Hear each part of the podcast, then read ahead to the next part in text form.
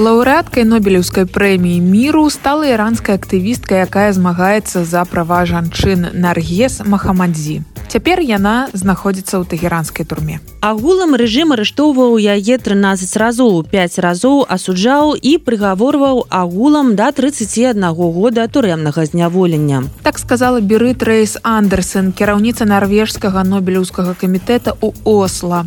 Прызавы фонд прэміі міру больш за 990 тысяч долараў ЗША, а яшчэ прэмія імгненна прыкоўвае ўвагу да яе лаўрэата. Напрыклад, у 1984 1994 годзе яе прысудзілі паўднёва-афрыканскаму арцыбіскупу дэсмонду туту. Ён тады сказаў яшчэ учора мяне ніхто не чуў а на наступны дзень я стаў аракулам зрэшты сёлета галасы іранскіх жанчын былі добра чуваць і да таго як на іх звярнуў увагу нобелеўскі камітэт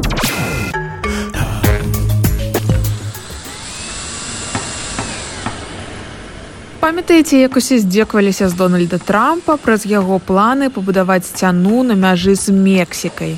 Тады вас пацешыць апошнія навіны. Адміністрацыя джо байдена абвясціла пра будаўніцтва сцяны на мяжы з мексікай і вось так здараецца. Падчас перадвыбарчай кампаніі ў двадцатым годзе байден абяцаў што не пабудуе ні метра сцяны і лічыць узвядзенне сцен несур'ёзным палітычным рашэннем. А цяпер прэзідэнта раскрытыкавалі адразу і дэмакраты і рэспубліканцы. Дэмакраты бо ўпэўненыя што сцены сапраўды не працуюць у барацьбе з нерэгулярнай міграцыяй а рэспубліканцы бо лічыць такое рашэнне крывадушным і памятаюць як здзекваліся з трампа з нагоды сцяны сам трамп сказаў маўляў гэтае будаўніцтва показала што я то бок ён меў рацыю Сітуацыя з нерэгулярнай міграцыяй на паўднёвай мяжы штатаў сапраўды няпростая паводле апошніх звестак памежны патруль ЗША затрымаў там у жніўні больш за 180 тысяч чалавека у ліпені больш за 130 тысяч.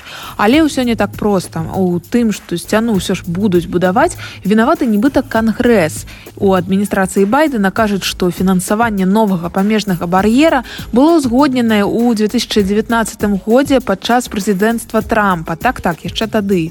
І ў 2021 годзе байден спрабаваў ануляваць вылучэнне сродкаў на гэтае будаўніцтва але кангрэсмены адмовіліся. І мы вымушаныя прытрымлівацца закона. Кажа міністр унутранай бяспекі алехандра майоркас. Вымушаныя прытрымлівацца закона. Вы толькі паслухайце якія нязвыклыя для беларускага вухасловы у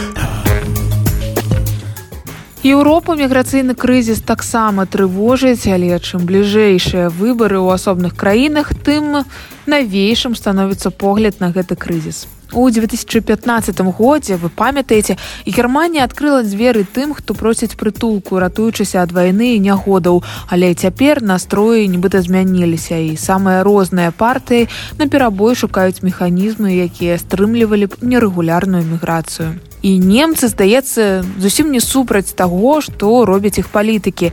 Калі летасці занепакоенымі прытокам мігрантаў былі 67соткаў насельніцтва краіны то сёлета аж каля 86соткаў На мінулым тыдні нямецкі ўрад узмацніў памежны кантроль, а міністр унутраных спраў заклікала 16 земляў Геррманіі даць тым, хто шукае прытулак не грошы, а матэрыяльныя даброты. У надзеі, што тады прыцягальнасць краіны ў вачах мігрантаў знізіцца. Колькасць уцекачоў, якія намагаюцца трапіць у Геррманію надта вялікая. Заявіў у суботу канцлер Олаф Шольц калі што мантра яго папярэдніцы ангелы меркель была фраза мы зможам гэта зрабіць то бок прыняць усіх мігрантаў а цяпер шольц кажа што так працягвацца не можа. Раней такую рыторыку выкарыстоўвалі ў асноўным вельмі правыя партыі кшталту альтэрнатыва для германіі і кансерватары але паколькі выбары ўжо не за гарамі ўрад шольца таксама вырашыў разыграць гэтую карту і выбірае больш жорсткі да мігрантаў тон. У тым ліку таму што ў адваротным выпадку зарабляць палітычныя ачкі на занепакоенасці людзей могуць ультраправыя партыі а гэтага дапускаць не хочацца а ў соцсетках завірусіўся фрагмент дакументалкі netflix пра футбаліста дэвіда бекхэма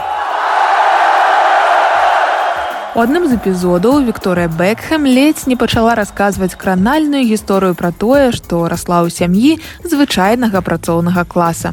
І тут у дзвярах з'яўляецца галава бэкхэма і ён кажа нешта кшталту. А ну успомні на якой машыне бацька вазіў цябе ў школу. Вікторыя спрабуе выкруціцца і казаць што ўсё не так адназначна і што машыны былі розныя. Але галава бэкхэма не хаваецца за дзвярыма пакуль Вікторыя не адказвае з уздыхам. Ладно ладно у 80-х у бацьке быў роллс-ройс Цяпер у каментарах бэкхэма просяць мадараваць дэбаты кандыдатаў у прэзідэнты ЗША. Калі аднойчы ў Беларусі будуць выбары, дык мы таксама запомнім, каго варта запрасіць на мадэрацыю. Інфармацыйная служба еўрарадыо.